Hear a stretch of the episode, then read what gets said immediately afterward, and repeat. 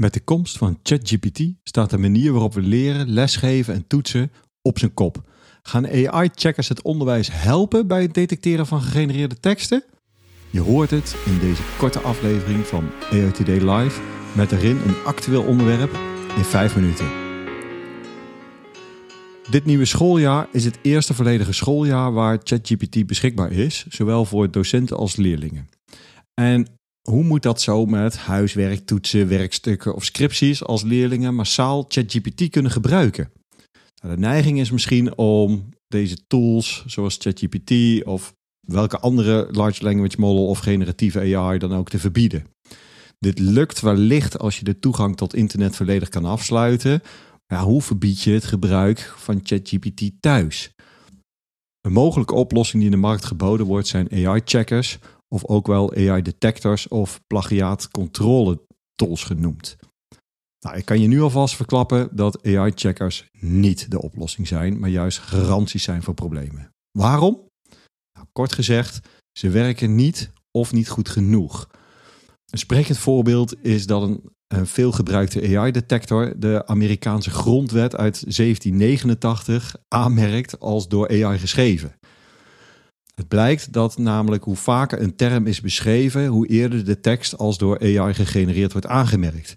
Je kan bijvoorbeeld maar op een aantal manieren de term examen uitleggen. Dus al gauw zal de checker hierop aanslaan en aangeven: hey, dit is door AI gegenereerd. Nou, onderzoekers van Stanford University hebben in een paper ook aangetoond dat AI-checkers veel vaker teksten als gegenereerd aanmerken, juist bij teksten geschreven door mensen waarbij de moedertaal niet Engels is. Uh, en dat heeft te maken met zodra teksten simpeler worden geschreven en met een beperktere woordenschat, dat deze dan eerder worden aangeduid als een AI-tekst. En daar zit echt een heel groot probleem. Het is niet alleen zeg maar, teksten die heel veel voorkomen al in, uh, in de trainingsdata, maar dus ook ja, de manier van schrijven, dat dat ervoor kan zorgen voor een onnauwkeurigheid, waardoor je als leerling vals, valselijk beschuldigd kan worden voor het gebruik van deze tooling. Uh, kijk, natuurlijk teksten die klakkeloos worden gekopieerd, uh, die haal je er makkelijk uit. Staat er bijvoorbeeld letterlijk, uh, natuurlijk, hier is je tekst voor puntje, puntje, puntje. Ja, als ze dat soort dingen meekopiëren, ja, dan weet je wel wat er gebruikt is. Maar goed, buiten het overduidelijke kunnen AI-checkers geen betrouwbare antwoord geven of teksten nou wel of niet gegenereerd zijn. Vandaar dat OpenAI ook gestopt is met zijn checker en geeft een ander tool, Turnitin, ik weet niet of je het zo uitspreekt hoor, tips hoe je het gesprek aangaat met een student, juist omdat zij geen bewijs leveren. Nou, wat kun je dan wel doen? Nou, bijvoorbeeld de Nederlandse AI-coalitie heeft een lijst met tips gemaakt. Ik zal die trouwens opnemen in de show notes. Uh, tips waarbij zij uh, adviseren om ja, om een andere manier om te gaan uh, met, met generatieve AI-tools. Uh, eh, zij adviseren bijvoorbeeld alternatieve toetsingsmethodes die minder gevoelig zijn voor generatieve AI-tools.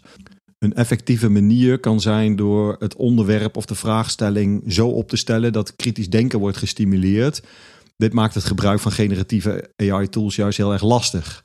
Bij het opstellen van dergelijke vragen kunnen verschillende punten in overweging worden genomen. Denk hierbij aan actualiteiten, uh, andere overwegingen zijn het toepassen op persoonlijke gebeurtenissen, het gebruik van voorbeelden uit de lesstof en het richten op zeer specifieke en toegepaste onderwerpen of vragen. Daarnaast is het creëren van zogenaamde authentieke assessments een effectieve methode. Bij deze assessment hebben leerlingen creativiteit en interdisciplinaire vaardigheden nodig. Voorbeelden van dergelijke assessments zijn interviews, debatten, datacollectie, analyse, verslagen door middel van foto's, video, waarbij de leerlingen zelf acteren of de bron zijn. Nou, lees de rest van de tips rustig door. Er staat echt ontzettend veel in. Wat ik al zei, de link staat in de show notes. En deze tips geven in ieder geval een veel positievere benadering dan het verbieden of mogelijk valselijk beschuldigen van, uh, van studenten. Kortom, een spannend jaar voor iedereen in het onderwijs. Eén ding is zeker, AI-detectietools gaan je niet helpen. Dankjewel voor het luisteren. Wil je niets missen over AI? Abonneer je dan via je favoriete podcast app.